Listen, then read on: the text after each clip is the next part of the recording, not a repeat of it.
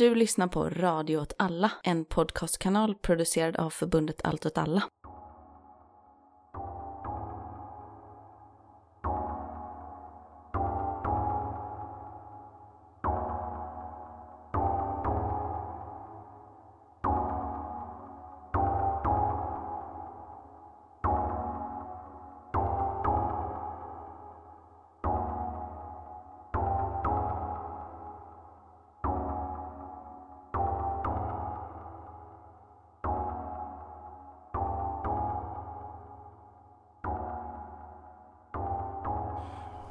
Hej, välkommen till Eld och rörelse. Hej hej! Med mig, Martin Hansson och du. Myran insektsnamn. Hur är läget med dig? Jo, det är bara bra faktiskt. Det är bara bra med dig. Ja. Inget, inget som skaver här i livet. Men, eh, det behöver vi väl inte försöka få fram när jag svarar så trevligt. Nej, nej det, vi kan bara låta dig leva i illusionen av att du mår bra. Absolut, du mår ju dåligt. Jag mår dåligt, Det är ja. det som är Ja, problemet ja, det det det. jag mår dåligt. Jag är bakfull. Dag två. Ja. Mm, det är åldern. Ja, men jag var med på dagen där du blev full. Mm, ja, det var fruktansvärt. Det var fruktansvärt trevligt. Det var jättetrevligt var det. Det var det verkligen svältfödd på sociala sammanhang men jag var fruktansvärt full. Det känns som att vi pratar mycket om alkohol och nykterism nu på podden. Ni lyssnar på Eld och rörelse. Udda krig och perspektiv. Precis. Jag vill egentligen börja med att och, eh, prata lite om vårt första maj-prat. Ja. Mm. Vi s- sände live. Live action radio Ja. på första maj. Hur tyckte du det gick? Alltså när, det, när jag höll på så tyckte jag det gick helt okej. Sen efteråt så bara kände jag så här. Jag vågar inte lyssna på det här för tänk för det är pinsamt. När man inte har fått klippa i det så kan det ju vara så här. Ja, just det. Vad är du rädd skulle vara pinsamt? Nej, jag vet inte. För det är ju som att man säger ju alltid en massa tramsiga saker som man inte riktigt kan stå för i den här podden och så. Mm. Så det är ju egentligen inte det. Det är bara att det ska gå som passerat ens ögon först innan det får nå alla andra på något sätt. Just det. De Har du lyssnat igenom? rå- Ja, inte lyssnat igenom hela. Har jag inte gjort. Men jag har lyssnat på lite nedslag. Det var väl helt okej. För att vara live tyckte jag det funkade jättebra. Jag vill ju då ge liksom en shout-out som man säger då. Till eh, Pastor Hansson på Twitter och eh, till Molybdensulfid. Molybdensulfid är typ ett torrt smörjningsmedel tror jag. Se där. Mm. Det är också ett Twitter-handle då. Ja, precis. Så det är inte bara ett torrt smörjmedel. Det är inte en shout-out till... För smörjmedel i allmänhet. Nej. Även om man kan respektera ett Ja, bra absolut, smörjmedel. absolut. Mm. Ja. De vann eh, tävlingen. De var snabbast ut på att eh, kommentera. De är trogna lyssnare. Och det är kul att eh, få deras eh, feedback. Ja, så vi kommer sända ut vinsterna.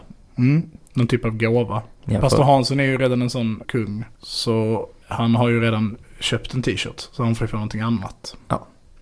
Vi får klura lite. Nakenbild på dig. Vi får klura lite på det som sagt. Och eh, se till att få tummen ur och posta. Med, Ja. det, med det sagt. Första maj radio, live radio. Det var trevligt. Det var kul att träffa lite folk från Radio åt alla också. Det är inte varje dag vi träffar dem. Nej, så tack så mycket för att ni styrde upp eh, live-radiosändningen också. Det var Mm. trevligt att vara i en studio, eller vad man säger, ett, ett vardagsrum var det ju. Men Ja, och även det här kvartershänget på Seveds-plan var ju väldigt trevligt. det var var supertrevligt. Mm. Då hade allt alla en liksom covid-anpassad utomhusaktivitet på första maj. Att det var bara uppställt ett fikabord och spelades lite kubb och så. Ja, vi och NCDK hade det tillsammans. Mm. Det var kul att träffa våra nya grannar på vår lokal då som har flyttat till, ja precis vid Sevedsplan helt enkelt. Mm.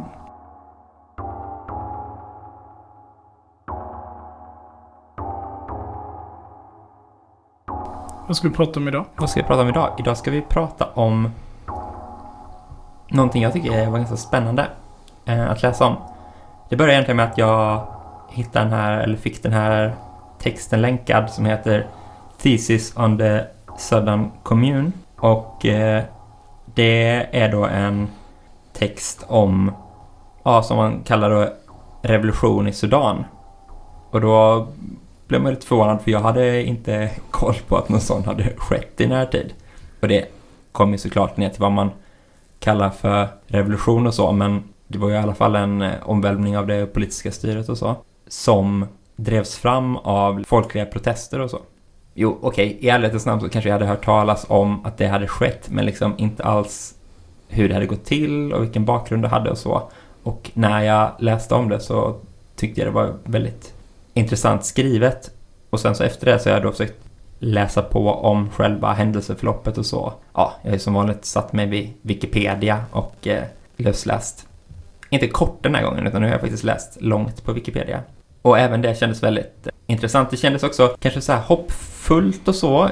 Mycket av de här andra krigen, moderna krigen vi pratar om känns ju bara elände, elände, elände. Med Syrien, visst, i Rojava är väl ett hoppgivande. Men man känner ju alltid att det är på gränsen till att liksom bli överkört av Turkiet eller att eh, Assad ska liksom komma tillbaka eller något. Man är orolig för att det inte ska finnas ett ljus i tunneln där liksom på det eländet. Och med Jemen och så, så är det ju bara totalt mörker. Men när man läser om det här händelseförloppet så känner jag ändå att det finns dels den här folkliga upprorskraften, arabiska våren och så, kan liksom, om inte segra så i alla fall leda till en positiv utveckling. Och det är ju ändå skönt att läsa om något sånt ibland. Ja, det sticker väl lite ut. Du sa att man läser om krig. Men det skiljer sig också på det sättet att det är liksom inte en väpnad konflikt heller. Eller det är det kanske bitvis. Men att det är uppenbarligen inte liksom gevärspiporna som, som driver politiken framåt. Det tyckte jag var spännande med det. Och då i relation till arabiska våren, om man tänker på Egypten då, vilket vi kommer att återkomma till. Så just att det är väldigt uppenbart att det inte är religiösa krafter som eh, är liksom starka aktörer i upproret. Utan att de slås också tillbaka av eh, den folkliga resningen. Vilket är, är spännande. Och den rollen kvinnor framförallt spelar i upproret är ju otroligt eh, intressant. Ja, absolut inspirerande. Men du har ju läst den här texten, du pratade om den på första maj. Ja, Då var den uppe det. igen. Du har varit riktigt het på gröten här och tassat om den här. Den, den är ju, det är ju en text av, var hittar man den? Ja, men den hittar man på någon hemsida som heter Ill Will Editions. Den heter nog bara Ill Will förresten. Thesis on the Sudan Commune. Ja, precis. Den eh, lades upp den 17 april då, 2021. Så den är ju färsk. En riktigt färsk text. Rakt ut på internet. Ja, det står att är en översättning från spanska, så den kan väl vara möjligtvis lite äldre från början. Men absolut, den är ny. Och den här texten ger liksom lite en kort historisk bakgrund. Ja, Och sen så övergår den till att ställa upp ett, ett gäng teser som den då menar att upproret... bevisar på något sätt Ja. eller liksom går i linje med. Och jag tycker det politiska perspektivet som framkommer i det tilltalar mig på många sätt många Mm. gånger. Sen så vet jag att den här illwill-grejen är nog kanske i samma strömning som du vet det stundande upproret och så. Och vad heter de? Den osynliga kommittén i Frankrike och så. Och det kanske är... Det är det man kallar för tequin. Ja, precis. Alltså, jag har inte koll på... Det finns väl olika... Ja, kan du inte ge. 10 sekunder om det? Rörelsebiten. Jag kan få prata om en stridsvagn sen. Jag har faktiskt inte kollat upp vad Sudan har för stridsvagnar. Men det skulle... Ja, men eh, det är väl bara en sån upprorsteori liksom. Och just det stundande upproret är väl skriven väldigt så här poetiskt och liksom målande och kanske inte har en så tydlig liksom materiell analys eller så liksom. Utan att det känns mycket som en så viljans uppror liksom i det. Och de är väl kända för att de håller på med så här tågsabotage i Frankrike och sådana saker. Att det är lite så, ja, sabotage, anarkism på Ja, men något de är väl sätt väldigt liksom. mycket anarkister på det där liksom, kanske lite början av 1900-talet anarkister. Mer Ja, klotbombsanarkister än SAC eller vad man ska, man ska säga. Ja men absolut. Och sen så vet jag inte om de kallar sig anarkister eller om de kanske tycker att de är kommunister i alla fall eller någonting. Det spelar ingen roll heller. Men jag tänker att ofta så kanske inte jag håller med dem så mycket för att jag inte är så mycket för just det här bara poetiska beskrivandet av saker och så. Men jag tycker den här texten var om inte väldigt så liksom källhänvisande så beskrev den ju ändå materiella förutsättningar och så på ett väldigt rimligt sätt som jag tycker är tilltalande liksom. Fast den samtidigt har kvar det här hoppet i sig liksom. Det slog an. Men om du drar eh, bakgrunden då till det här som bryter ut 2018. För det är ju då man kan väl säga att eh, revolutionen som den beskrivs som, revolutionen i Sudan, eh, påbörjas. Den tredje revolutionen i Sudan om jag inte missminner mig. Men de andra har väl skett på 60 respektive 80-tal. Ja, men så kan man Den sittande regenten är väl säga. typ 30 år vid makten eller någonting. Ja, sen 89. Mm, just det. Så om du vill ge lite bakgrund. Mm, precis. Ja, men vad ska vi börja då? I det gamla Egypten. Ja, herregud.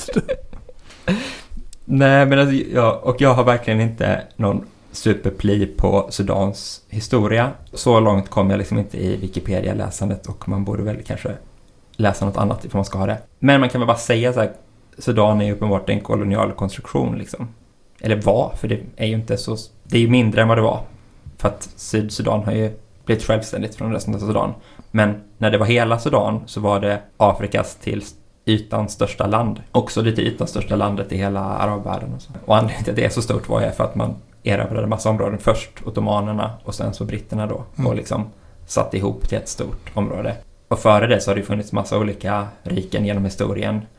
Mycket då ut med Nilen som ju rinner upp Från Etiopien. och passerar genom Sydsudan och sen så genom Sudan och sen så till Egypten liksom. Det har ju funnits olika, massa olika dynastier men man kan säga att de här nubiska rikena, kristna rikena där var väl en viktig historisk epok liksom. Och sen så blev det ju islamiserat men de här syd, sudanesiska områdena skyddades liksom av en stor träskmark som heter Sud som liksom arméer inte kunde tränga igenom och så, så de blev aldrig erövrade förrän där ottomanerna kom.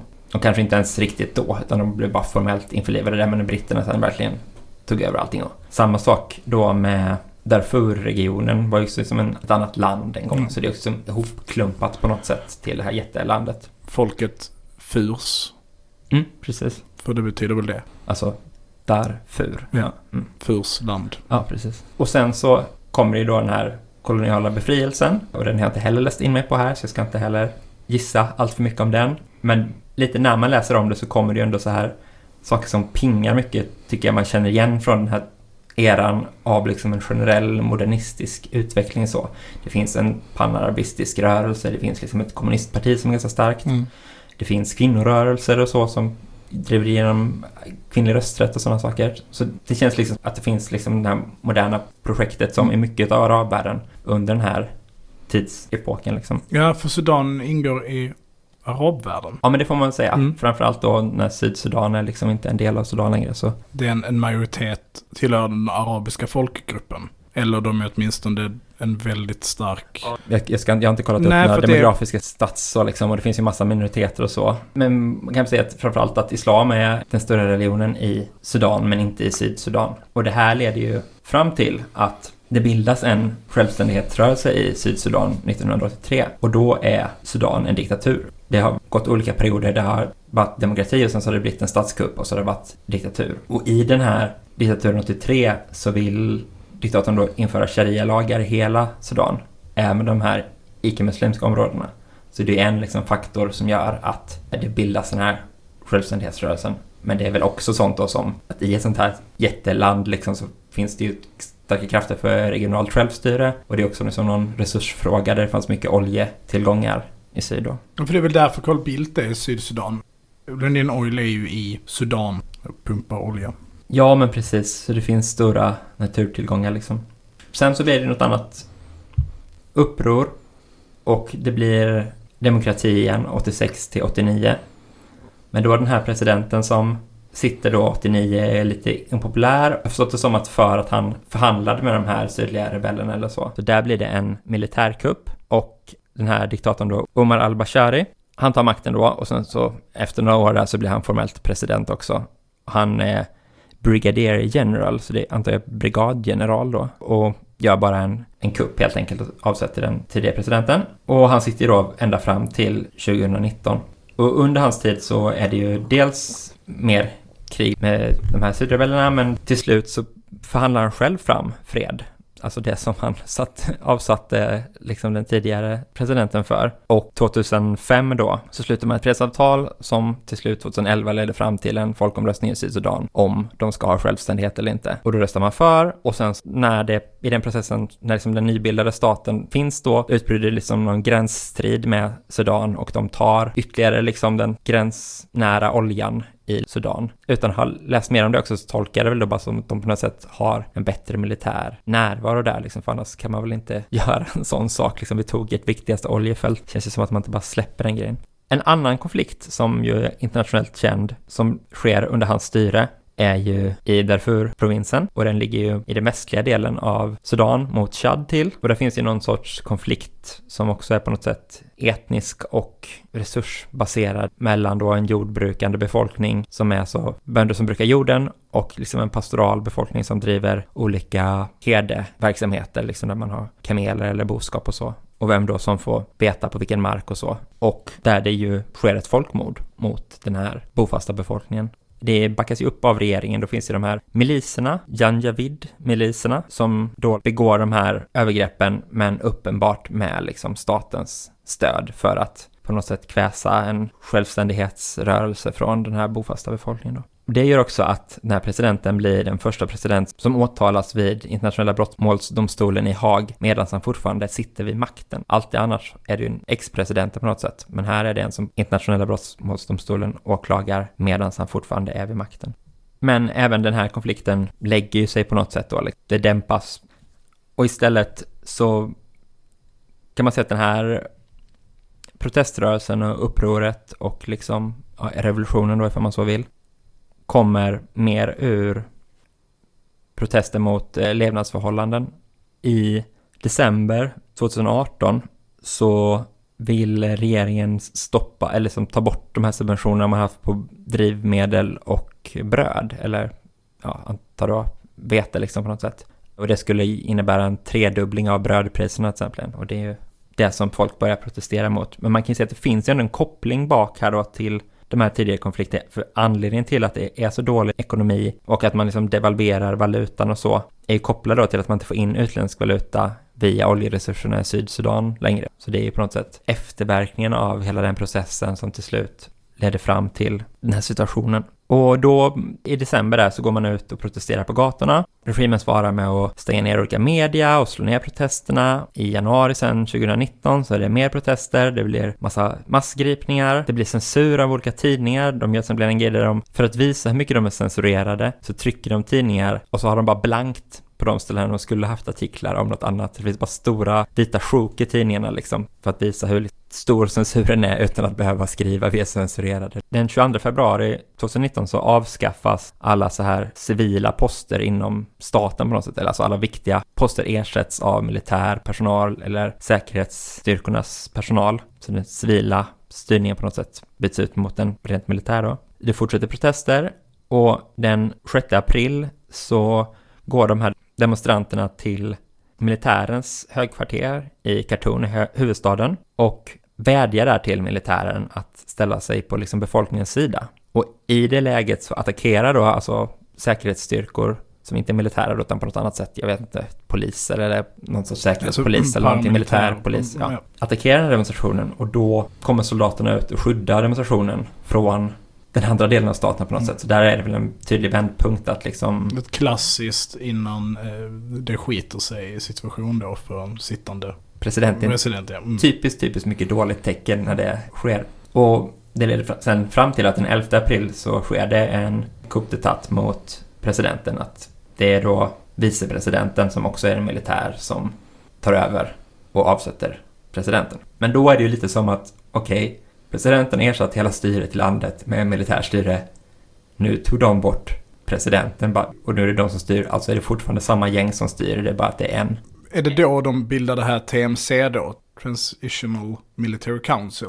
Man ska instifta någon typ av eh, övergångsråd då, det är väldigt klassiskt, som har då, vad är det, 36 månader eller vad är det de ska säga att de behöver för att ha tid att eh, liksom skriva en ny konstitution och lösa de här situationerna på något sätt. Ja, precis. Och just eftersom det är den här vicepresidenten som tar makten så fortsätter protesterna liksom oavbrutet där. Vilket gör att han bara blir president, eller statsöverhuvud för en dag. Sen så byts han ut. Och men då väljer de tydligen den i det här militärrådet som ändå är minst liksom nedsmutsad av regimen till att vara den som ska leda det eller så. Mm, och flera av de här andra militärerna är ju då inblandade i folkrättsbrott och så. I folkmordet i Darfur och sådana mm. saker. Så de är verkligen inga snällisar, vad ska jag säga. De är verkligen obehagliga typer liksom. Ja, oss kan man väl säga kanske. Ja. Ja. Det här militära rådet då förhandlar med olika civila protestgrupper om hur man ska ha det här övergångsstyret. För det är ju liksom, det verkar alla acceptera att man ska ha någon sorts övergång till demokratiska val. Det är väl inte ett så konstigt upplägg egentligen att man har liksom en övergångsperiod. Men de kom ju inte överens då för att det är som att militären inte vill släppa makten utan låter de civila vara med på ett litet hörn liksom. Men de civila säger att vi ska ha majoritet i det här övergångsparlamentet eller vad det nu är. Övergångsregeringen. Det sker bland annat en stor generalstrejk som pågår i två dagar och det sker liksom saker kontinuerligt under, under våren 2019 så är det många av al-Bashirs för detta allierade och underordnade och så som grips, alltså flera hundra personer ur den gamla regimen fängslas och så. Och det kanske man kan också se i ljuset av påtryckningarna från liksom den pågående, fortsatta pågående proteströrelsen. Försök att blidka den liksom. Att... Ja, så, så kan man ju tänka sig i alla fall. En annan vändpunkt sker då kanske 3 juni. För då har dels militärrådet genomfört liksom olika utrikesbesök till Egypten, till Saudiarabien, till Förenade Arabemiraten och så. Och när, direkt efter det så sätts då något som heter Rapid Support Forces in mot sit-ins då, som man har, alltså sitt-demonstrationer som torgockupationer eller något sånt. Mycket i linje med vad man tänker på med arabiska våren och så liksom. Och vet du vad det här är för gäng? Rapid Support Forces låter väl inte så farligt kanske? ja, det låter ju ganska illa redan där. Ja, det låter, men det låter väl som ett, nu vet du ju vad det här är för gäng, ja. men det låter som en väldigt eh, typiskt namn på någonting som är militärt men inte står under militär ledning. Utan det är liksom något, eh, det är sånt man döper något som är så här.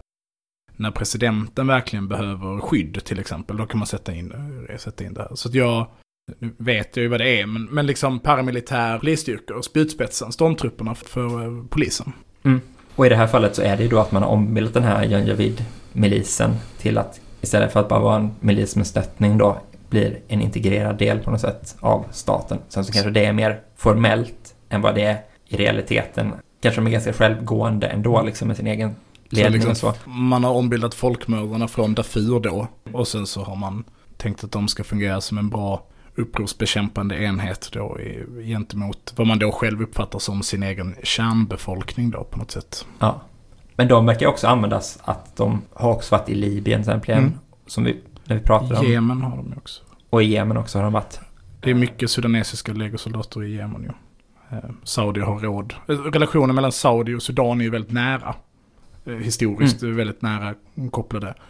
Och jag tror till och med att under den här utvecklingen så liksom uttalar sig Saudi på det sättet man gör om man anser att man har politisk rätt att intervenera eller aktivt delta i landet här. Sudans utveckling är direkt relaterad till Saudis utveckling. Så att liksom, saker som händer i Sudan är i princip inrikespolitiska frågor. Så man tolkar det här på något sätt som att de har fått godkänt då, militären, att sätta in de här styrkorna mot sin egen befolkning av de här utländska regimerna. Och då utför de en fruktansvärd massaker där de mördar över hundra människor i alla fall och det sker någon sorts massvåldtäkter på den här liksom sit-in protestlägret liksom och så. Och de här styrkorna binder liksom stenar vid kroppar och dumpar dem i Nilen så att de ska liksom undanröja bevisen för att det har skett och så. Och det får ju kanske motsatt effekt då istället. Att det dels internationella samfundet säger ja, nu går det här över gränsen och även internt i Sudan ser man vad som har skett och det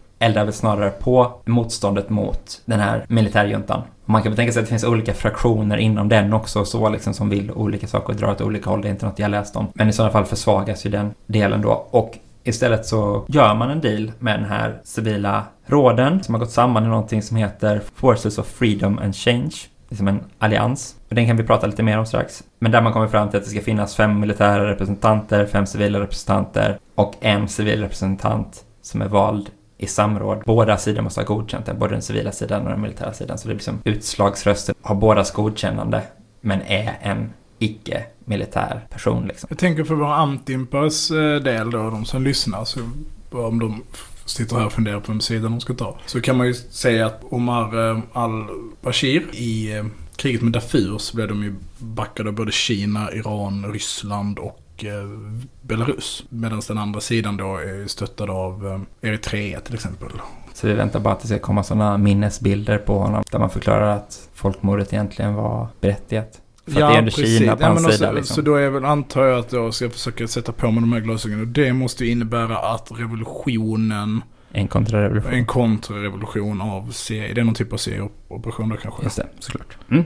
Eh, jag får googla nu om det är en, jag googlar just nu om det är en teori. Ja, medan du gör det kan jag fortsätta säga. Då bestämde man att det skulle vara 39 månader tills val liksom. Så det är 2022 de ska ske. Mm. Så det vet vi ändå inte riktigt var det ska landa. Men man kan ändå se att det skett massa positiva reformer liksom. Inte minst så har man förbjudit könsstympning. Man har ökat religionsfriheten, man har ökat pressfriheten och regimen har också ingått fördjupade fredsavtal med de här olika rebellgrupperna då mm. i... Norra Sudan? Bland annat. Alltså finns det ju, nu har vi mest pratat om västra och södra Sudan då. Men även, även i norra Sudan så finns det ju en, en befrielserörelse, separatister.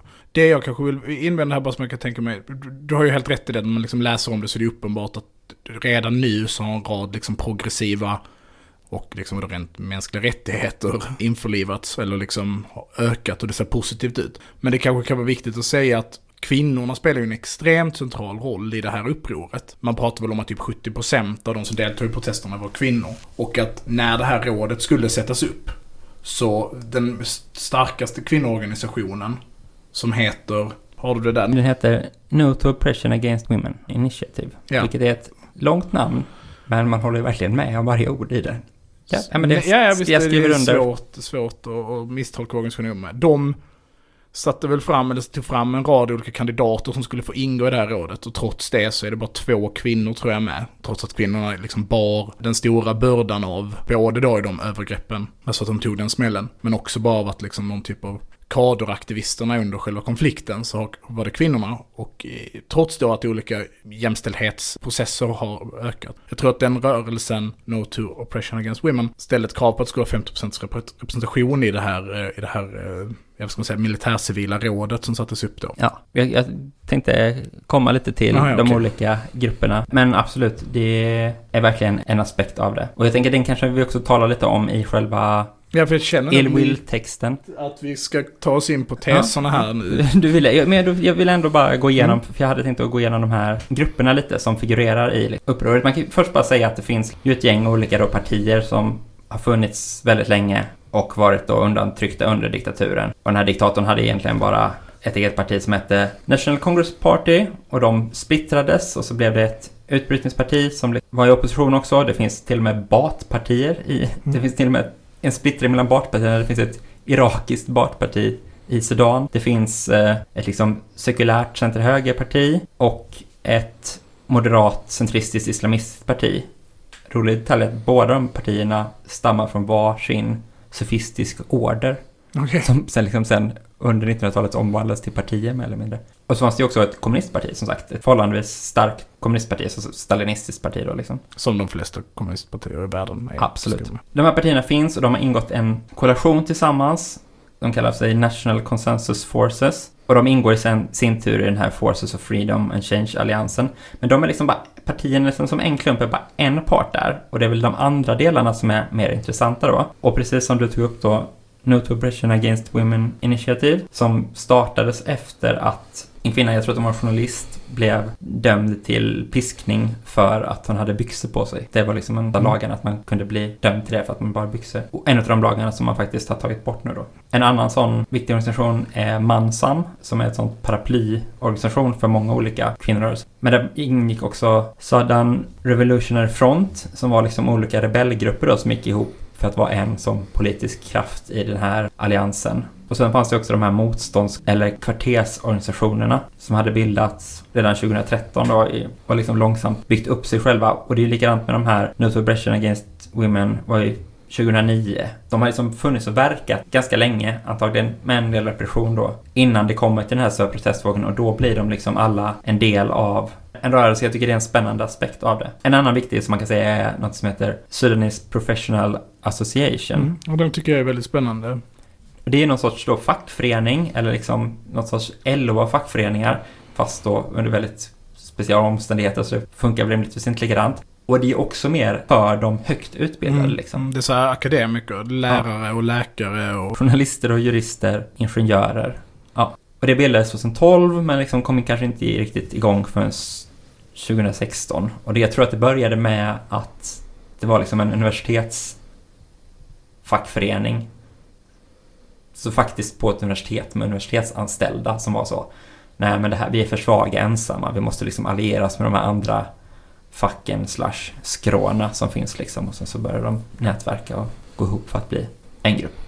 Ja, och precis som du säger, när de här då ska välja sina representanter, då blir det de här partigruppen och liksom de här rebellerna och förvisso också de här professionella högutbildade då, får ju god representation i den här styrgruppen som i sin tur utser de här till det här rådet med militärerna liksom. Medans motståndskvarteren, lokalkvartersorganisationerna Och kvinnoorganisationerna och feministiska organisationerna får inte representationen där. Så det blir liksom någon sorts backlash att de gamla institutionella krafterna, men som inte har varit de viktigaste drivande då, är de som tar liksom representationen när det väl kommer till att man ska få pay-off i maktutövning. Mm. Innan vi går över till teserna skulle jag du vilja säga några ord om Egyptens roll i det här. För man kan väl, alltså, Egypten är ett sånt land folk räknar bort ganska ofta. Men att man ska komma ihåg att de är liksom Nordafrikas största krigsmakt. Att Muslimska brödraskapet föds i Egypten på grund av liksom Nassers repression och att den junta som styr Egypten idag driver en ganska hård linje mot att eh, liksom begränsa politisk islams utbredning. Inte för att de själva är direkt eh, schyssta personer utan för att den liksom, ja, Muslimska brödraskapet framförallt, eller liksom salafismen hotar juntan. Och att man kan verkligen se hur det upproret i Sudan spelar dem i händerna ganska mycket. Alltså, både då för att det finns ganska stora ekonomiska intressen av att, av att kontrollera Nilen och den liksom intressekonflikt de har med både Etiopien och Eritrea. Som ju då stöttade Sydsudan. Så man kan liksom se Egyptens inflytande i den här konflikten. Och som jag förstår det när jag läste om det så var just militärens förhandlingar med Egypten väldigt viktiga. Att få liksom Egyptens godkännande. Ja, alltså nu har du sagt massa saker och du bad mig förklara, men jag tror att du har bättre koll där än vad jag har. Men man kan ju säga att det finns de som menar att det inte kommer bli fria val för att just då Egypten, Förenade Emiraten och framförallt kanske Saudiarabien pressar liksom på han som fick ta över efter kuppmakaren liksom. Han, han som kom efter, han som avgick efter en dag. Efter vicepresidenten, jag tänker mm, Abdel Fattah al-Buran och det militära rådet här att de inte får tillåta demokrati i Sudan för att man är rädd att det ska spela över då i krav i Saudiarabien, i Egypten, i Arabemiraten. Att befolkningen där ska liksom börja tro på demokrati ifall de ser att det funkar i Sudan. Det får man väl se som en analys snarare än liksom att det finns någon faktaunderlag som bevisar det. Men, men det är ju en spännande aspekt som jag tänker vi kommer återknyta till när vi läser de här teserna nu då. Mm.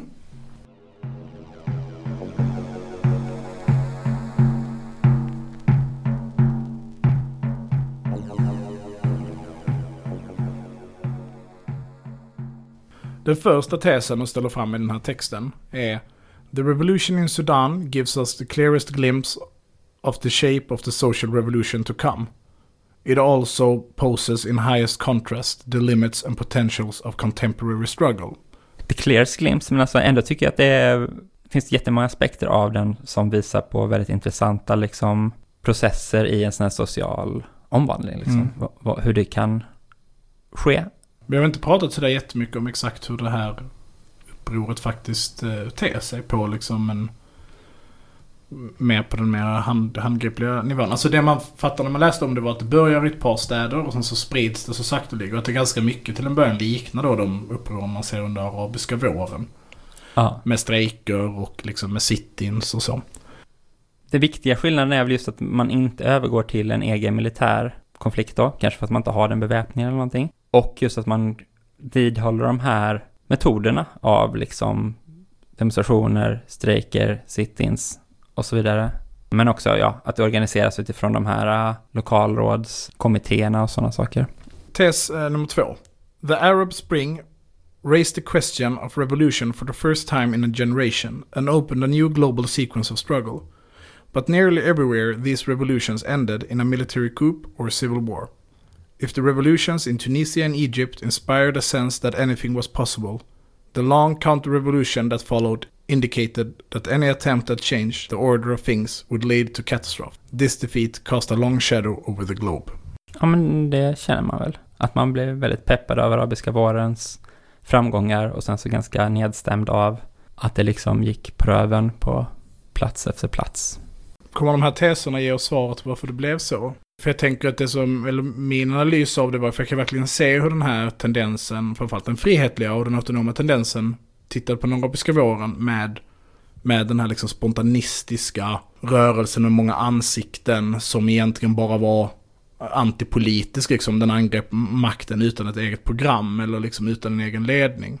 Men att det kändes väldigt modernistiskt det som hände sen. Att de rörelserna med ett program med en organiserad rörelse som hade också då innefattat ett visst våldskapital och i vissa platser ett väldigt stort våldskapital. Vann de efterföljande konflikterna som de i den här texten då kanske beskriver som kontrarevolutioner. Även om man kan säga juntan som är så skulle jag vilja säga att eh, Muslimska brödraskapets kontroll över Egypten, då, även om det bara pågick under några år innan, junt, innan en ny junta tog makten, är ju ett... Fall framåt. Ja, men på något sätt. Ja, ja men absolut. Men jag, jag tänker att de argumentera på samma sätt och med att man också kan tänka på samma sätt även med just den här utvecklingen i Sudan själv liksom. Mm. The revolutions in Sudan and Algeria were the first conscious efforts to go beyond the impasses reached by Egypt. They were unable to leap over these limits, but in their attempts to do so, they showed nonetheless that revolutionary attempts need not inevitably plunge the region into chaos. Historians looking back will likely conclude that this was necessary in order for a new wave of struggles to open up in a way it did in 2019. Ifall vi inte hade haft då Algeriet och Sudan att kolla på så kanske man hade målat en ännu mörkare bild av utfallet av arabiska våren liksom. Att det som händer är att man tar många av lärdomarna från arabiska våren, man gör det igen, men den här gången så är man betydligt mer försiktig.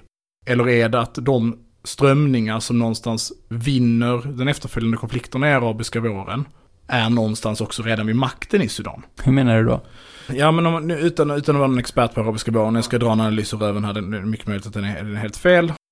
Får inte slå mig för det. Men, men så här att många av de re- regimer som faller under arabiska våren är ju på något sätt, har klamrat sig fast vid makten från en kalla kriget-logik. Och liksom överlevt Sovjetunionens kollaps.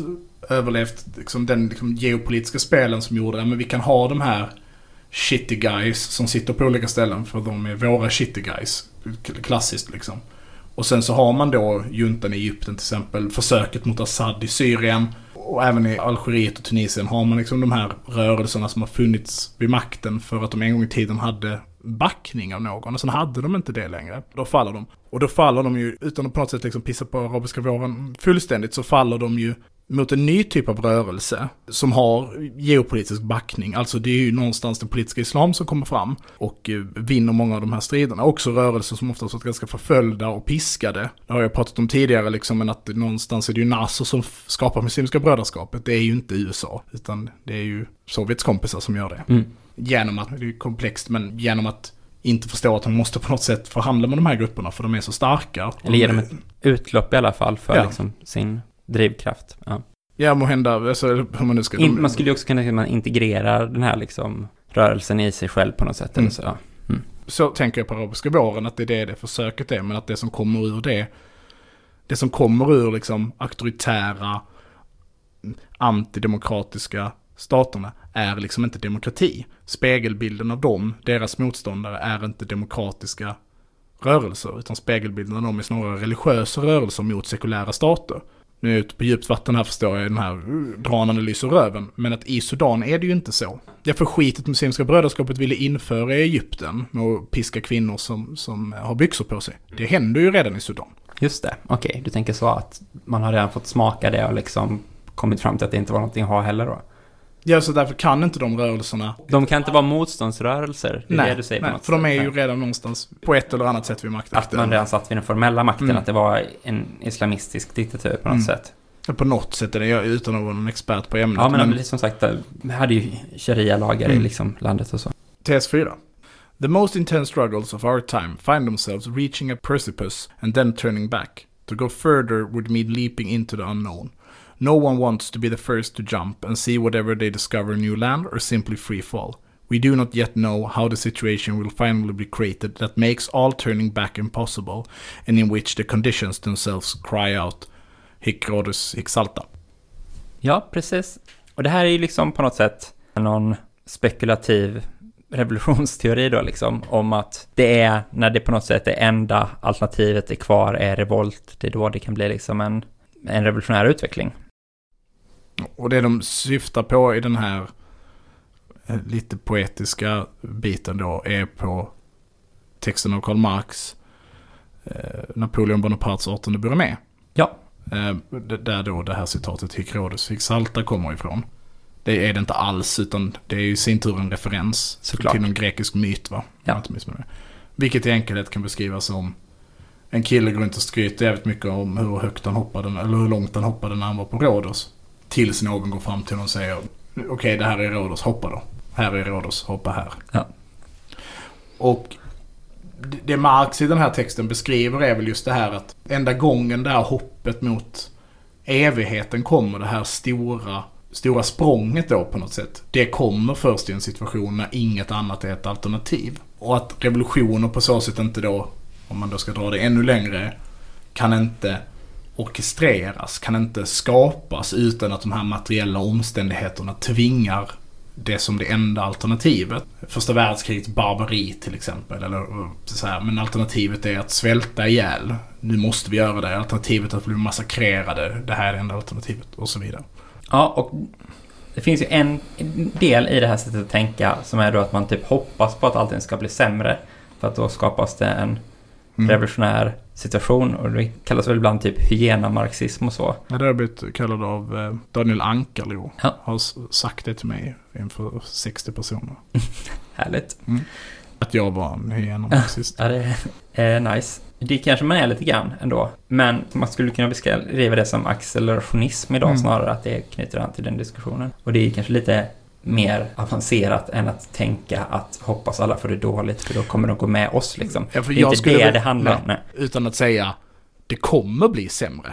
Och det är för att samhället eller för att systemet är byggt för det. På den här permanenta krisen eller vad det kan vara. För att klimatet kommer tvinga oss till en punkt där det inte finns ett alternativ längre. Så att jag kan ju säga att hyena-marxism eller accelerationism kanske snarare är att säga vi borde verka för att det blir sämre. Och det tror jag verkligen inte på. Nej, jag tror inte accelerationism egentligen handlar om att man ska verka för att det ska bli sämre, men bara för att på något sätt låta överhuvudtaget utveckling fortskrida. Eller så att man ska inte försöka kämpa för att bibehålla de gamla strukturer man har litat på en gång och som med all sin kraft försöka sakta ner utveckling. Utan att i den utveckling som är oundviklig ta de lägen som finns och i dem försöka hitta potentialen för att föra sin egen rörelse framåt. För att det är dit historien ändå kommer ta oss till slut. Så liksom, det är Det här är jättespännande. Här kan vi ha en riktig politisk diskussion då. det är bättre att vara med i rörelsen än att vara mot den. Ja, men, Men, fast inte emot. Ja, precis. Men då blir ju skillnaden är ju då, frågan på det blir till det stundande upproret, eh, osynliga kommittén till Quinn eller, Nick Land. ja, är ju att säga, men hur bygger man en rörelse då? För att det här, att accelerationismen på något sätt säger, låt de här processerna fortgå. De här processerna som ju då leder till försämring. Innan vi når det här hic Rhodos hic salta. Innan vi är på Rhodos liksom. Så måste de här processerna få fortgå. Och jag kanske då skulle säga, ja men så är det nog. Och jag tror inte att vi, man kan stoppa flödet liksom. Man kan inte stoppa systemet innan det når den här kritiska punkten. Men att försöka stoppa den och erfarenheterna, kunskapen av att försöka stoppa den och gemenskapen och förlusterna är ju de som man sen använder när man står vid klippkanten. Så här skulle jag säga att det finns en skillnad, att det finns nästan ett religiöst liksom domedagsprofetia inbyggt i det tankesättet som jag kanske tänker att Quinn till exempel då i någon mening kanske representerar. Och även liksom antipolitiska tendenser och så man stöter på att Ja men vid en punkt så bara händer det här. Vid en punkt så bara uppstår de här situationerna för att det är inneboende processer i kapitalismen som tvingar fram dem. Men då står man där vid, liksom, vid torget, Tahrirtorget. Vi vinner nu, men vi har ingen rörelse som kan vinna. Men där borta finns en rörelse som kan vinna. Muslimska brödraskapet. Ja, men till exempel. Absolut. Jag skulle också säga att jag är- ju inte accelerationist eller någonting så. Konstigt för jag ska på något sätt bara försvara det här nu då. Men jag tänker att i alla fall att man kan tänka på det just som att det finns liksom olika aspekter av motstånd och hur det kan yttra sig. Där man kan göra motstånd mot en utveckling och säga nej, vi vill ha en utveckling istället. Att man hittar en annan väg framåt. Att, att det är ett rörelsebyggande i sig. Medan man kan göra ett annat sorts motstånd som bara är att försöka bevara det sönderfallande som alltid blir defensiva kamper där man bara drar sig tillbaka bit för bit för bit. Och att de erfarenheterna man får i de kamperna kanske inte är de man behöver på Rhodos. Nej, nej, det är möjligt. Men samtidigt då så måste man väl ställa sig frågan vilka framåtskridande rörelser som inte på något sätt har tagit sin bas i försvaret av det redan existerande kan du, kan du nämna? Jag kan inte lämna några rörelser som har uppnått någonting just nu när jag blir ställd av frågan. Jag tror att man kan hitta sådana moment i de flesta framgångsrika rörelser. Droppa en framgångsrik rörelse ska jag dra ut någonting ur Nej, men man kan väl ta bolsjevikerna då som exempel. Alltså att det är klart att de hade ett framåtskridande och en framåtdanande i sin anda. Men de vill ju inte bara bevara så. Vi hade faktiskt vissa rättigheter inom den förra tsarens välde och nu vill vi ha tillbaka dem som de såg ut då liksom. Nej, men om du skulle nämna deras mest framgångsrika paroll. Land åt eh, alla. Bröd och fred. Ja, Mm. jo, även, Mm. även landreformen var ju en väldigt viktig paroll. Mm. Men den viktigaste parollen de någonsin hade var vi måste äta mat. Och, och det gjorde vi också igår. Ja, det gjorde vi framförallt igår. Och så startade ni det här interimperialistiska kriget som nu gör att vi inte har mat på våra bord och våra söner dör i, Mm. träsken utanför Moskva. Ja, absolut. Jag, jag, det var nog kanske inte den typen av saker jag tänkte på, utan mer då att man ska undvika vi vill ha samma trälskap som vi hade under den förra tsaren, att det är den Nej, nej, typen tycker av bevarande liksom. Som, Nej, så självklart finns det ju, någon- det är ju någon kombination av de här sakerna. Men, men att... Men det är klart att det finns politiska tendenser och politiska idéer som bygger på någonstans att men det enda vi behöver göra nu liksom är att vänta. I princip måste vi bara vänta och sen så kommer det här. Sen kommer alla gå med i vårt parti eller så kommer alla liksom göra det här. Men så, mm, så tänker inte jag, men däremot tänker jag ganska ofta, vi kan inte själva organisera fram förutsättningarna, utan det vi kan göra är att lära oss av kamper som finns, sprida erfarenheter, försöka stötta med infrastruktur, de kamper som sker och sådana saker, och att sen så kommer det på materiella grunder skapas en situation där vi har möjlighet att göra språng i utvecklingen. Och då gäller det att ha de erfarenheterna och de verktygen för att kunna vara med i det skedet. Jo, jo, nej men det är jag ju såklart överens med dig om. Det, det för mig kanske inte är accelerationismen. Nej, men jag som sagt står inte heller kanske för Nej, nej, men jag, accelerationism, jag, jag vänder mig mm, mot liksom den tanken som ju då finns liksom om, om Absolut, och man kan välja läsa den här fjärde tesen kanske på både ett mer och mindre kritiskt sätt liksom. Mm. Ja. Ska vi gå vidare till den femte då? Det tycker jag. Men jag tycker nu kommer vi igång med lite god diskussion här Mm. på... Anti-austerity struggles tend to understand themselves as critique of state corruption. But within the long crisis, the state actually has little room to maneuver.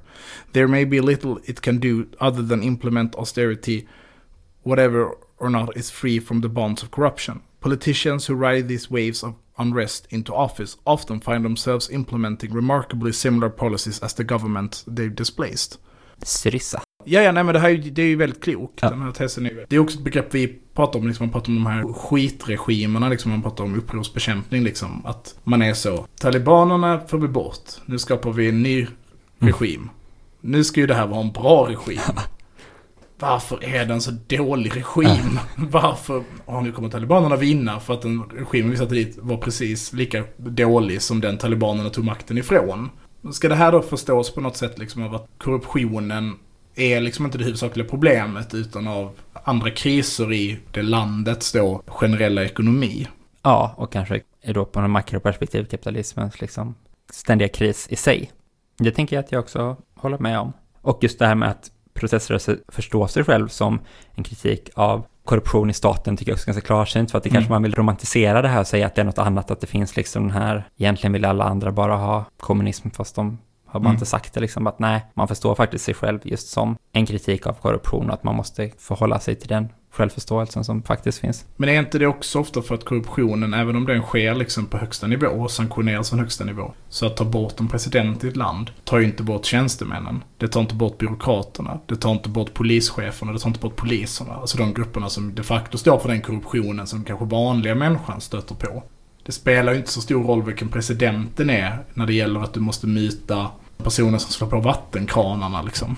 Absolut, men samtidigt kanske, kanske också poängen är att även ifall man lyckas bekämpa korruption då, för att jag tänker inte att den tesen säger att det är omöjligt att bekämpa korruption i sig, men att trots det så även, då kanske det blir lite bättre, men så mycket bättre kan det inte heller bli för att det utrymmet finns inte i kapitalismen. Man kan ju också tänka att korruption på något sätt är ett sätt att driva en stat Mm. som absolut är sämre än ett välfungerande rättssamhälle och så. Men det kanske inte heller är en skillnaden mellan natt och dag. Så man vi kan ju tänka oss att det finns ganska mycket korruption i Sverige idag.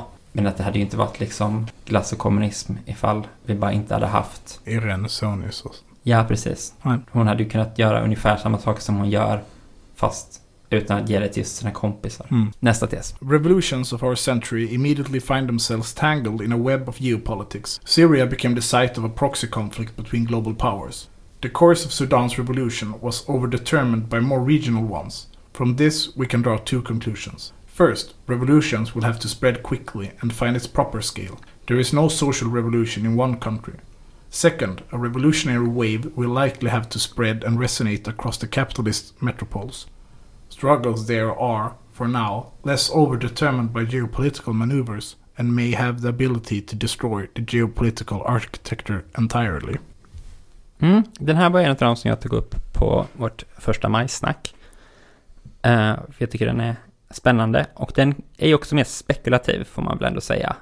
Att den här idén om att man kan liksom slå ut logiken i de här geopolitiska maktkamperna genom att slå mot eh, de staternas kärnor, alltså de, de stora metropolerna. Eller slå mot, men att en social rörelse där liksom kan utmanövrera logiken i det här.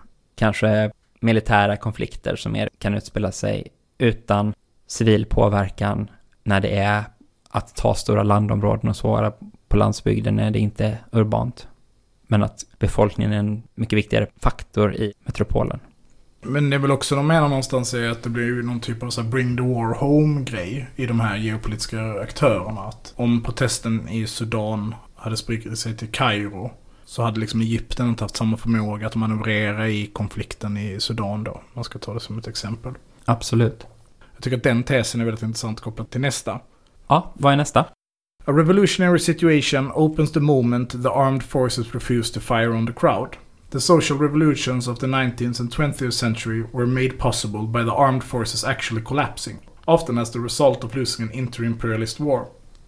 In the ensuing chaos, it appeared possible not simply to replace the government, but to destroy the state.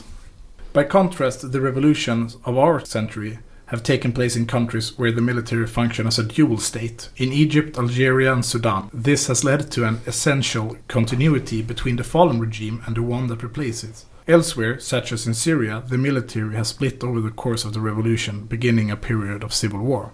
Träffande beskrivning av hur det har sett ut. Men vad var det du tänkte i relation till det här med metropolerna? Men att man beskriver då att, och det här kanske är det som skiljer de revolutionerna som de beskriver på 1800 och 1900-tal. Att i de situationerna, visst, då kollapsade armén. Eller kollapsade liksom de väpnade styrkorna. Men det som framförallt händer är att de väpnade styrkorna blir en del av revolutionen. I kontrast då till de revolutionerna som beskrivs idag. Och det här tycker jag att de gör liksom ett litet logiskt fel.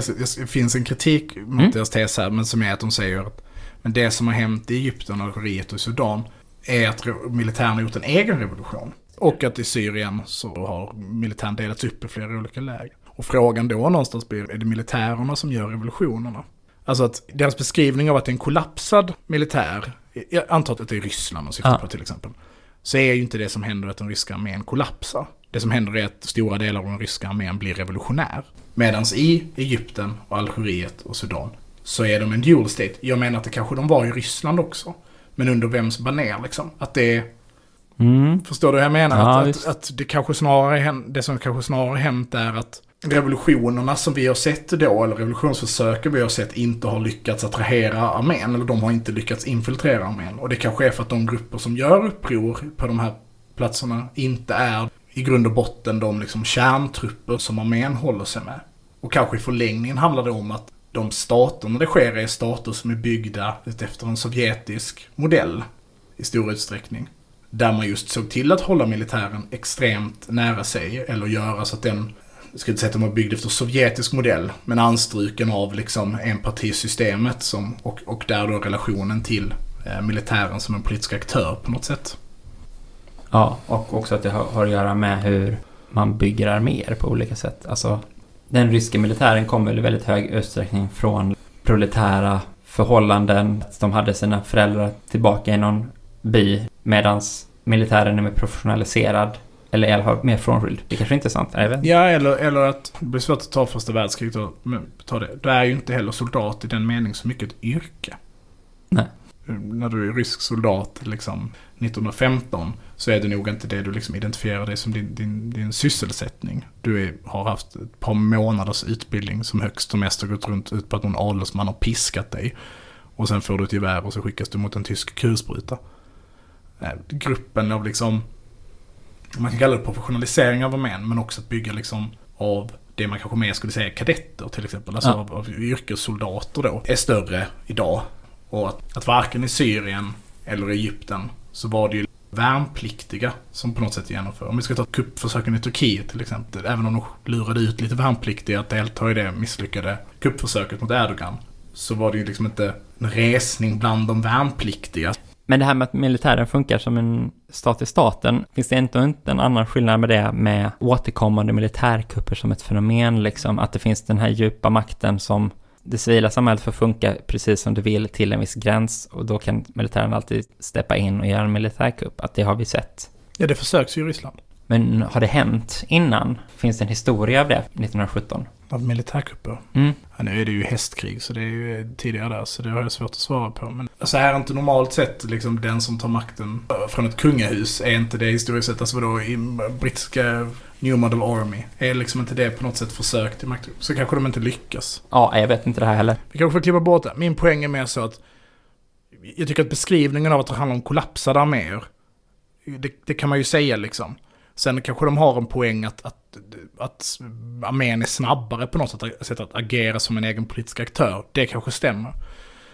Men man kan inte säga att armén inte var eh, som, eh, fraktioner inom de andra revolutionsförsöken. Utan att liksom, väpnade styrkor har alltid varit en väldigt viktig del i folkliga resningar. Eftersom att genom att de har deltagit i det har de också inneburit ett fråntagande av våldskapital från staten. Ja, såklart. Genom att de då inte är statens verktyg längre. Liksom. Och att, sen måste inte det innebära att revolutioner måste förutsätta någon typ av väpnad konflikt. Men det som blir intressant när man läser om det här, förvisso är- ingår det ju en rad väpnade grupper som har bedrivit någon typ av gerillakrig mot centralregimen i, i Sudan. Men de deltar inte i sin militära kapacitet. Nej, det är inte ett, ett krig som bryter ut på något sätt, utan det är sociala protester. Tes 8 då.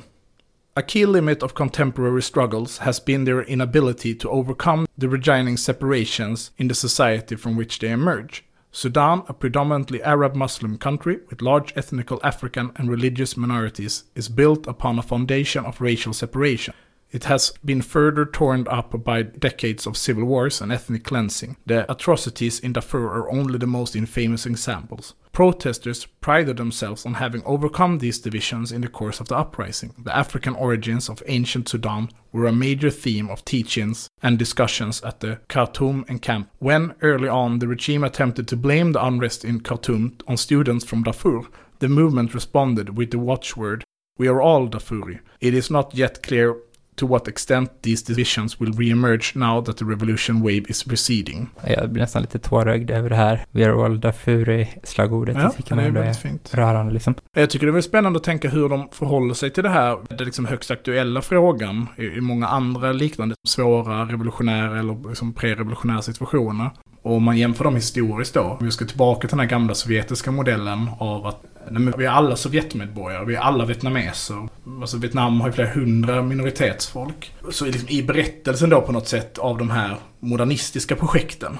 Mm. Så ser man då Rojava till exempel som har ju lagt en av de mest framgångsrika projekten de bedriver är ju deras sätt att hantera sina minoriteter. Att liksom vi vill ge våra minoriteter makt. Och det är egentligen motsatsen till det, alltså förutom då att det sker ett angrepp och de pekar ut furfolket som var liksom drivande i upproret. Och att de säger men vi är alla fur liksom. Eller vi är alla från Men det skulle man kunna tänka mig att, att eh, SDF hade som paroll om yazidierna, typ vi är alla de liksom. Mm. Och det känns väl igen i olika proteströrelser man själv har deltagit i också, att vi säger vi är alla, vi är alla Kärrtorp liksom. Att det är så här, Precis. Men att då liksom, att på något sätt säga de här grupperna finns. Vårt projekt är inte att de här grupperna ska sluta existera. Nej. Tvärtom är vårt projekt att de här grupperna ska få existera. Ja. Vilket då då bryter mot någon historisk antireligiös strömning till exempel. Eh, Förvisso kan det ju vara en sekulär rörelse som säger det här. Men där finns ju någonstans en konflikt det här. finns en spänning här absolut. Att säga, det här upproret handlar om att de kristna ska få vara kristna. Chassider ska få vara chassider, eller Mm. Tes 9. Other divisions, such as those of class and generation, did re-emerge within the movement. The, trans the Transitional Military Council was able to exploit these tensions in order to drive wedges between the revolution and its popular support, between the encampments and the surrounding slums, and between the movement in the streets and in organizations that have come to represent it. These separations and disavowals set the stage for Khartoum massacre. Ja, det känns ju väldigt specifikt då till den här situationen. Test 10. Revolts often pass through a sequence of rhythmic markers that serve as pivots or turning points, catalyzing new energies. The Sudan uprising passed through at least four rioting, mass non-violence, occupation of public space, and a general strike. The ignition point for the uprising was a wave of spontaneous riots, but in order for it to generalize, it had to take on the character of coordinated mass non-violence. The occupation that barricades and their defense provided a context to fraternize with soldiers, for them to defect, and for splits to open within the military. The general strike was able to clarify the extent to which the movement could mobilize popular support, but was not in itself enough to bring the government or economy to halt. Jag tänker mig på Trotsky. Okej, okay, det gör du. Ja. I min favoritbok av Trotsky, Kommunism och terrorism, så har han väl med en, liksom, i sin långa typ eh, rant om att Kautsky är dum i huvudet. Så är det ju för att Kautsky gillar generalstrejker. Och så är Trotsky så, en generalstrejk är bara ett sätt att säga titta hur många vi är. Den spelar ingen annan roll mer än att visa så här många är vi. Men du kan aldrig få ut någonting av en generalstrejk. Den kommer aldrig driva den här till punkten där allting omkullkastas. För att han tänker sig då att liksom borgen har mer reserver än vad arbetarklassen har? På jag vet inte, han för att han tänker att man ska ha någon med som gör det. Det är väl det som är. Jag tänkte att man kan känna det själv, att när man har varit i olika rörelser så har förmågan att byta mellan olika former har varit alltid liksom livgivande och eh, bra när det funkat i alla fall. Ja, det är också ett sätt att vara adaptiv till liksom konflikten du befinner dig i. Att man, man har ett eh, repertoar av handlingar man utför. Vid en viss punkt så lär sig då motståndaren eller staten att eh, liksom, isolera de tendenserna eller kunna angripa dem på det mest känsliga sättet om en rörelse då har förmågan att antingen då levla upp och bli någonting annat så kan ju de verktygen som de då använder på grund av att de oftast är mycket mindre adaptiva än vad en social rörelse är snarare skada dem. Ta då det här exemplet, så här, upploppen ska slås ner genom att områden där upploppen sker ska liksom isoleras och sen så ska man tömma de områdena med fullständig brutalitet. Liksom. Och så gör man det, men i det fallet så har rörelsen lyckats ändra om sin form till att bli icke-våldsprotester. Och då framstår ju som angreppet fruktansvärt brutalt och helt vansinnigt från staten, vilket i sin tur då ger legitimitet till upproret och så vidare. Men också spännande att hur hållandet av en plats, och de beskriver att hållandet av platser också skapar andra sätt att faktiskt kommunicera med varandra. Vilket ju då upploppet är en ganska dåligt sätt att kommunicera med andra människor. Ja. 11. Militant formations forged in previous waves of struggle can act as vectors for intensification. Anti-austerity riots have come and gone in the past. A key difference in 2018 was the presence of organizations which had formed following the repression of anti-austerity movements in 2013. This includes the neighborhood-based resistance committees and the Sudan Professional Association, SPA. By being able to provide some infrastructure, coordination and determination, these groups were able to contribute to the leap from riot to insurrection. Här tycker jag att man verkligen tänka på liksom vänsterns roll, sin egen roll. Att man vill vara den här gruppen som kan provide some infrastructure, coordination and determination. Och det är det som kan liksom driva från riots to insurrection. 12. However, these formations may also become a barrier that will need to be overcome. The organizations which had come to represent the revolution were much more eager to enter negotiations with the government than many of those in the streets. The SPA, for instance, had formed to lobby for an increase in the minimum wage, not to lead a revolution which they felt dragged into by the youth. They were anxious to return to normal. Man hade inte kontroll då över de ledande. Nu beskriver de ju hur det hände här liksom och vi har snackat lite om förut att har man ett uppror utan att det finns en sån struktur, då kommer någon annan rörelse komma in och ta taktpinnen. Och det är väl lite det de här SBA kanske gjorde då visavi resistance committees i någon utsträckning och också de här politiska partierna liksom, att det fast de här resistance committees hade funnits sedan 2013. Så det finns liksom en motsättning på något sätt i det här att det både är det de beskriver, nödvändigheten av struktur fanns men inte fullt ut ifall man då sympatiserar med just det här mest gräsrotsmässiga organiserandet. De hade liksom inte lika mycket en struktur som SBA då till exempel. Jag tänker då, när det ropas efter en ledare, om man själv inte kan sätta fram en ledare, så kommer någon annan ledare komma. Och där kanske inte det är så konstigt att de här SPA då var skickligare på att sätta fram ledare än vad Resistance Committees var. för att SBA bestod av jurister, doktorer, ingenjörer och så vidare. Att de hade mycket lättare och då på grund av att de var väl typ av paraplyfackföreningsorganisation liksom. Att representation och så vidare är liksom inbyggt i det systemet. Ja. Och är man inte redo att i då den här specifika stunden säga men det här är vår representant, det här är vår ledare. Då kommer det med störst sannolikhet komma en annan sådan. Någon annan som förhandlar åt den. Någon annan som får fram ens linje. Och har man inte kontroll över den individen så har man ju också antagligen tappat momentumet i den situationen. The promises of the SBA makes clear the leading role of the professional middle classes within the revolution. Sudanese of nearly every class and social group participated in the revolution, but at its forefront were students and professionals. These groups were motivated by both their concern for appealing conditions of the poor and by their own frustrated expectations which they particular repressive conditions, the professional middle class were best able to organize themselves, provide some coordination for a national movement, and articulate what appeared to be a general interest. Paul Mason remarked somewhere that the 1789 French Revolution was not the product of poor people, but of poor lawyers. Revolution, then, might have less to do with increasing immersuration and more to do with increasing expectations that cannot be met by the present situation.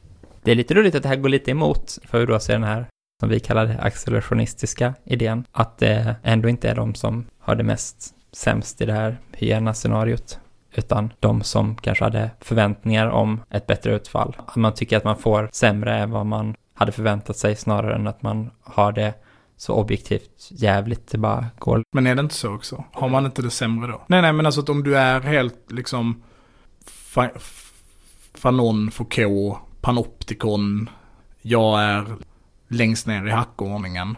Jag slåss redan för min överlevnad och nu måste jag slåss lite mer. Och så jämför du med den som liksom kommer med den här känslan av rätt i sin kropp liksom. Men jag är ju läkare, jag är ju advokat, jag har ju rätt till de här sakerna. Och så fås inte dem. Du får inte dem. Och då blir liksom din, eh, det blir det de beskrev i den tidigare tesen, alltså din determination, din liksom övertygelse om att din rätt till det här du kräver. Mm. Jo, och känner du inte att du har någon rätt till att börja med, för att du är längst ner, då är det ju väldigt svårt att göra anspråk på den det anknyter väl an till hur man pratar om så här typ SD och så i Sverige också. Mm. Att de har stöd av massa så här småföretagare och sådana saker på landsbygden och så. Som förvisso inte har det sämst, men som hade förväntat sig liksom en bättre position och kanske att bli ansedda bättre. Men att den traditionella mansrollen som stod i centrum för samhället för 50 år sedan är inte det som premieras nu liksom. Ja, den här maskuliniteten då. Jag, ja. jag skulle ju få en fru och barn och hus och varför får jag ingen fru nu? Det här är en avflyttningsbygd liksom. Mm. Här har folk flyttat ifrån, framtiden finns inte här för mig, men jag kommer ifrån ett sammanhang där jag borde ha den här framtiden för mm. mig. Och då så blir man i det fallet då missnöjesröstare eller liksom rasist och skyller det på någon annan. Men att det ändå är en drivkraft.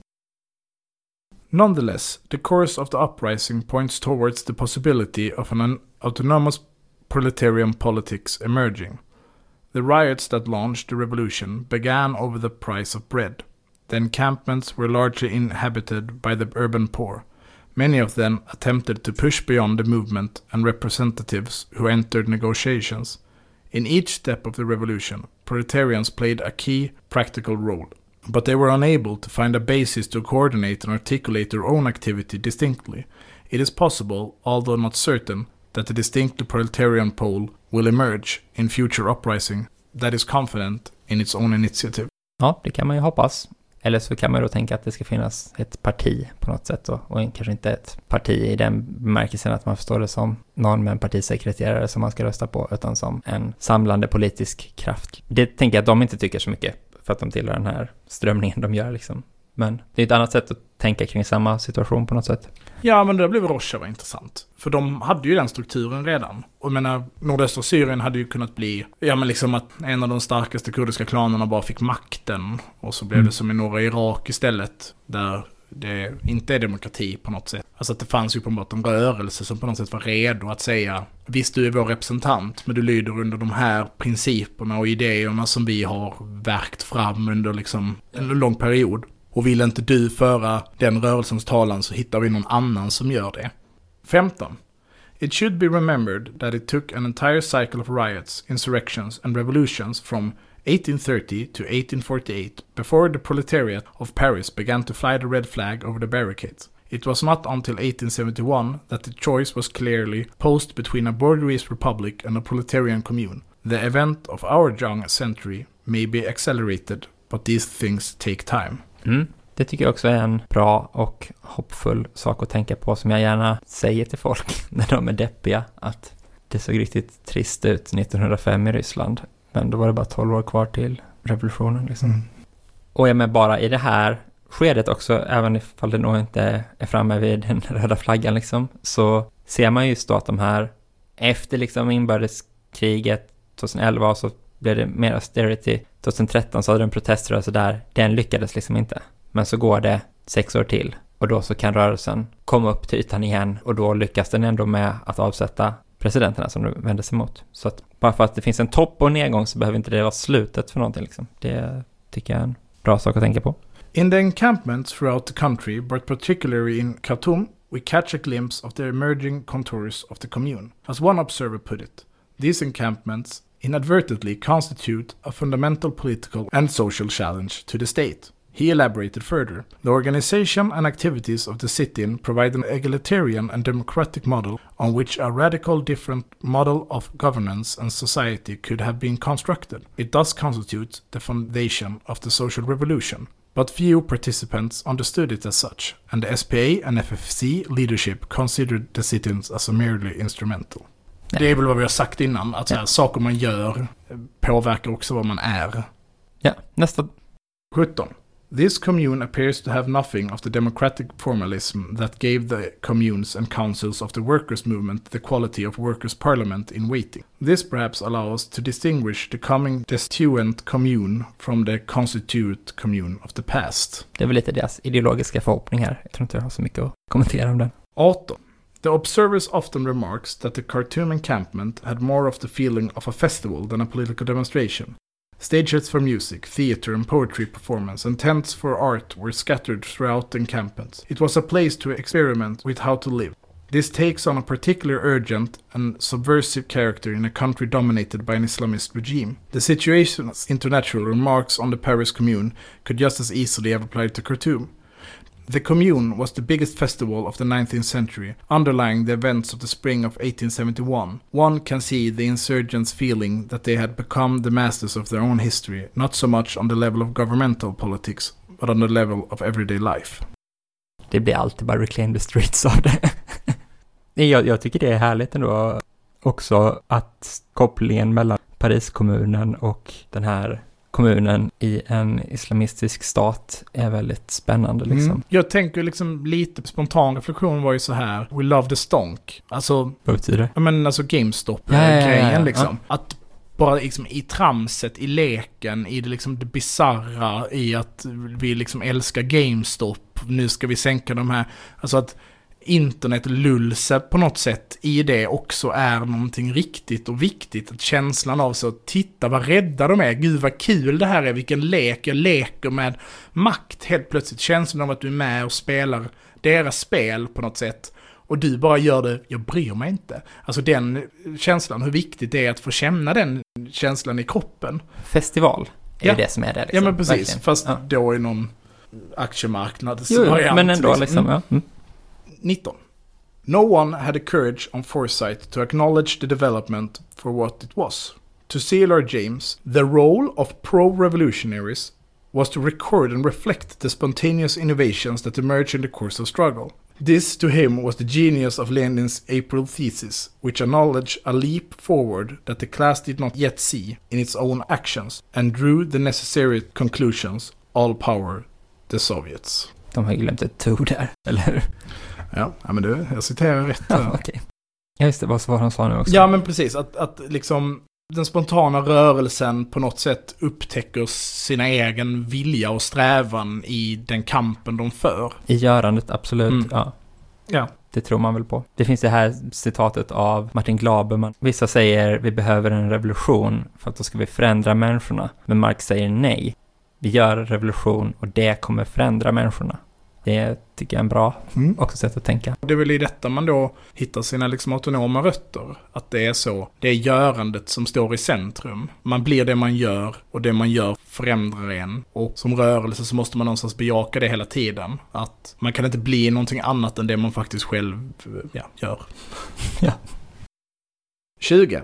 The military regime clearly perceived the threat posed by the encampments, which explained the intensity in which it was suppressed. The emerging commune is the principal enemy of the state. Wherever the commune gathers, there will be a Tiananmen, and sooner or later the tanks will appear. Nu har du chans att prata om stridsvagnar då. Vad var det för stridsvagnar på Himmelska fridens torg? Ja, det är ju typ 69. Skulle jag bara kasta ur mig spontant. För vi kollar upp det här. Vi kollar upp det live radio. Det är typ 59. Som ju är den kinesiska varianten av T54. Som är ju T55. Fast den ser lite annorlunda ut. Det är liksom förlagan till T55. Den heter T54. Ja. T55 är väl världens mest sålda stridsvagn. Mm, där fick vi lite crowd pleasing för alla de som har lyssnat så här långt jag har kommit till, ja Som har precis. kommit ända till TS20. Men det är väl inte så mycket att säga om den, liksom de kanske, igen, gör det lite poetiskt här, men det är klart att staten kommer slå ner ett uppror militärt, eller vadå? Mm, och det blir väl spännande då vilka teser som kommer här efter. Hur de berör detta på något sätt. Tes 21. As the commune emerges, its immediate tasks are clear. Expansion of the area of autonomy, blockade of the economy, and defense against its enemies. With each new attack by the police, the movement responded by expanding the encampment and barricaded off new roads and bridges. This strategy becomes almost intuitive once an encampment like this exists. Ja, men det tänker jag också man kan känna igen lite. När man höll på att ockupera hus i Lund så sa vi, tar ni ett ifrån och så tar vi två nya och så. Sen så behöver ju den rörelsen energi nog för att orka upprätthålla en sån strategi också liksom. Men så länge man har det så är det ju verkligen en sån multiplicera kamperna Mm. är det som liksom ett uppror kan vinna på tror jag. Inte stå kvar och ta en strid där staten är som starkast utan att vara i rörelse och hitta nya angreppspunkter liksom. Vara Mm. ett vatten som de säger i Hongkong. Ja, alltså någon typ av eh, manöverkrigsföringsmodell då. Istället för utnötningskrig. För det vinner man ju inte mot en starkare fiende. Nu kommer de lite till kriget här. Är du peppad? Eller är Ja, du trött i halsen nu? Jag börjar bli trött i halsen. Men 22. The emergence of the commune immediately raises the specter of insurrection and thus of civil war. The basic dynamic is as follows. The appearance of encampments like this points towards the possibility of social revolution. This is recognized clearly by the state, which tries to repress it. In response, the encampments intuitively try to expand. This raises the questions of insurrection. The commune must suppress the state in order to avoid being suppressed by it. But insurrection always entails the risks of civil war. Ja, här har de en uppställning. Jag vet inte om man kan hålla med eller inte hålla med om den, men jag tror att vi ska gå till nästa punkt för att dra en slutsats. Ja, jag tror vi gör det. Och så kan vi kommentera punkt 22 då. 23. Och den sista av teserna. One too many Sudans. The social war of which the Sudan revolution was one episode is still being fought today. We'll likely see new attempts to leap over the limits of contemporary struggle. With each new experiment, we may see emerge more clearly the contours of the commune and proletarian autonomy. Somewhere there may be a breakthrough, where political revolution gives way to social revolution. Then, as the breakthrough resonates outwards, we might see the spread of a revolutionary wave. All power to the communes. All power to the communes, det håller jag med om. Jag håller med. Okej. Lite svårflörtad, är det? Jag är lite svårflörtad, ja. Om jag ska kommentera den förra tesen då. Jag tror att de har helt rätt. Så här. Varje liksom, uppror har risken att på något sätt falla sönder i ett inbördeskrig. Och att ett inbördeskrig skapar en annan dynamik i landet än vad ett uppror gör. Men precis som nästan alla andra konflikter, och framförallt väpnade konflikter, så är det ju lite förutsättningarna för konflikten i sig som definierar om det här riskerar att hända eller inte. För att någonting ska kunna bli ett krig, beroende på hur man definierar det, så kräver ju det någonstans att motståndarsidan, i det här fallet den här regimen, i andra fall borgerskapet i Frankrike, eller vad det skulle kunna vara, måste ju ha förmågan att samla en ganska ansenlig del av befolkningen på sin sida. Och det är ju först då, när konflikten tar sig liksom etniska eller religiösa eller regionala uttryck, då finns ju den risken. Och det är väl därför det här spridandet blir så extremt viktigt både spridandet men också förhandlandet med de andra grupperna. Och det står väl i någonstans konflikt med den här partimodellen, liksom. Att du måste ju någonstans fråga alla. Vad så- vill ni? vad vill ni? Vad vill ni ha? Vad är ert problem i den rådande situationen? Inte helt olikt Lenins förhållningssätt till islam till exempel. Någonstans måste man liksom fråga de här människorna och säga, det kommer komma ett vägskäl där ni väljer den existerande staten eller det här upproret. Vad kan upproret göra för att ni vill vara en del av, av det? Och kan man inte det, alltså kan inte staten förhandla in stora grupper, ja men då blir det heller inget inbördeskrig. Nej. Det är klart geopolitiskt då att man skulle kunna få backning av ett annat land som intervenerar. Men liksom, om inte det finns en lokal kraft så är det liksom inte praktiskt möjligt. Alltså man kan ju ta då Assads regim om man ska prata, man uppenbart hade någon typ av försök till resning som, som verkligen hamnade i krigets dynamik utan att ge sig in på liksom den start. Men både då att det fanns direkt etniska dimensioner av den här konflikten. Alltså alla viterna till exempel trots att de är en väldigt liten del av Syriens befolkning och hade och har orimligt mycket makt och inflytande som folkgrupp, så var det en del av folket som upproret i princip sa er ska vi ha bort. Varsågod Assad, här har du 5% av befolkningen. Som, bara är, ställer upp på din sida nu. Ja, och vi har dessutom varit en del av staten och är officerare och har liksom alla de här positiva delarna. Och sen då, så fort upproret började ta sekteristiska förtecken, hej alla kristna, hej alla shiiter, välkomna in under Assads fana. För att de där borta vill ha bort er också. Och det är väl därför man måste bara slå sig en otrolig vakt mot liksom sekterism, eller då sekterism liksom i den Ja, det här är jättekomplext, men man kan ju tänka sig ett socialt uppror idag. Jag menar, många av de som mindre lokala uppror vi har haft, eller uppror, men upploppstendenserna vi har haft i Sverige har ju haft den här problematiken korsat liksom. Med eh, konflikter runt en källarmoské och polisbrutalitet som ledde till en konflikt som handlar den här konflikten egentligen om bostadssituation, handlade den om källarmoskéerna, de här tusen lagren av konflikten. Och en mer proteansk linje i den frågan, eller liksom, är då i någon mening sekteristisk, skulle säga, de pratar vi inte med, de har vi inte att göra med, de de har vi inte att göra med. Och gör man det är man nog ganska ensam kvar där till slut. Ja, det var ett jättebra slutord. Men eh, jag vill också säga någonting i stil med att i det här så målar de ju på något sätt någon drömbild eller liksom av hur världsrevolution skulle kunna gå till. Det börjar sprida sig från det ena stället till det andra för att det måste expandera för att stå emot repressionen det möter. En dag så kan det finnas en sån spridning av den här revolutionära vågen som går över alla gränser och blir global och så. Och då skulle vi kunna ha en faktisk revolutionär utveckling. Å ena sidan så tycker jag ju det är en ganska fjärran och ganska naiv beskrivning av en tänkt utveckling. Samtidigt så tycker jag att det är skönt att höra sådana. För att man behöver någon sorts stor idé om hur man faktiskt skulle kunna få en helt annan värld. Den tanken måste också kunna finnas på något sätt och då är det bra ifall någon formulerar en idé som dessutom i alla fall tycker jag känns rimligare än att så här vi bildar ett international och så går det med ett litet parti från varje land och sen så har vi riktigt med nätverksmöten och sen så alltså kommer alla ställa upp vårt revolutionära program som vi har skrivit det på bästa programmet någonsin liksom. Det här ändå knyter an till en faktisk utveckling man har sett då och liksom ifall man tänker sig den i uppskalad skala och jag uppskattar det sättet att beskriva någonting. Ja, och det är väl också glädjande för att man på något sätt eller jag slogs väl av hur blind fläck det här var för mig. Sudan ja. Ja. Alltså verkligen. Det var det som gjorde mig så himla peppad på när jag satt och läste Wikipedia idag. Alltså att, ja, här har det hänt det här sociala upproret som faktiskt inte har lett till mer religiös styrning utan man faktiskt har gått från mm. sharia-lagar till att ta bort dem. Och att det liksom bara fortfarande gick in på Twitter och kollade så här, bara nu i april så var det så här stora demonstrationer av kvinnorörelser i Khartoum som var så här mot mäns våld mot kvinnor mm. typ. Som hade jättemycket stöd liksom. Eller jag vet inte, jag så, kan inte säga exakt hur många som var där och så liksom. Men det, bara, det finns uppenbart en levande rörelse kring det här fortfarande. Den är liksom inte borta nu oavsett hur den här militär biten fortsätter ifall det kommer bli ett allmänt val. Det är inte helt slut på den här rörelsen fast den väldigt aktiva fasen är över. Så. Ja, det är verkligen eh, fantastiskt spännande. Och med de orden så måste vi verkligen avsluta den här inspelningen nu, för nu, annars kommer detta bli det längsta avsnittet vi någonsin har gjort. Det var ju lite ett misstag att tänka att vi skulle läsa alla teserna högt, tror jag, men... Man kan ju gå in och läsa texten, vi länkar ju den såklart i avsnittsbeskrivningen. Nu avslutar vi. Tack och hej. Nej, om man eh, vill eh, stödja oss får man gärna köpa en t-shirt. Eh, man får kolla in vår Instagram. Eld. Punkt och punkt rörelse. Man eh, får gärna bli Patreon till Allt åt alla. Så att Radio, radio åt alla får lite mer cash money. Man kan följa mig på Twitter, det heter Trojkan1337. Och jag heter? Ett slukhål. Jajamän. Mm. Uh, tack så jättemycket för att ni har lyssnat. Tack och hej. Ha det gött.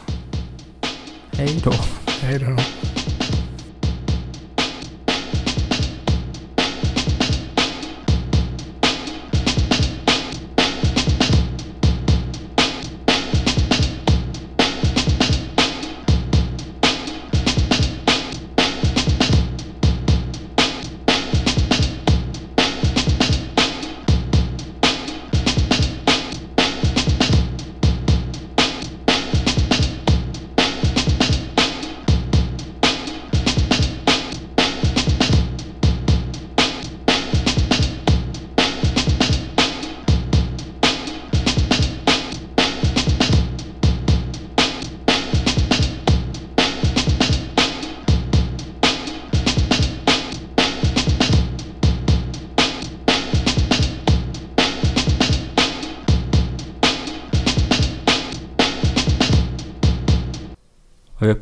Timme och tio minuter. Det blir riktigt nice det här. Det är du som ska klippa Ja. det och det ska fan komma ut i tid. Ja, ja.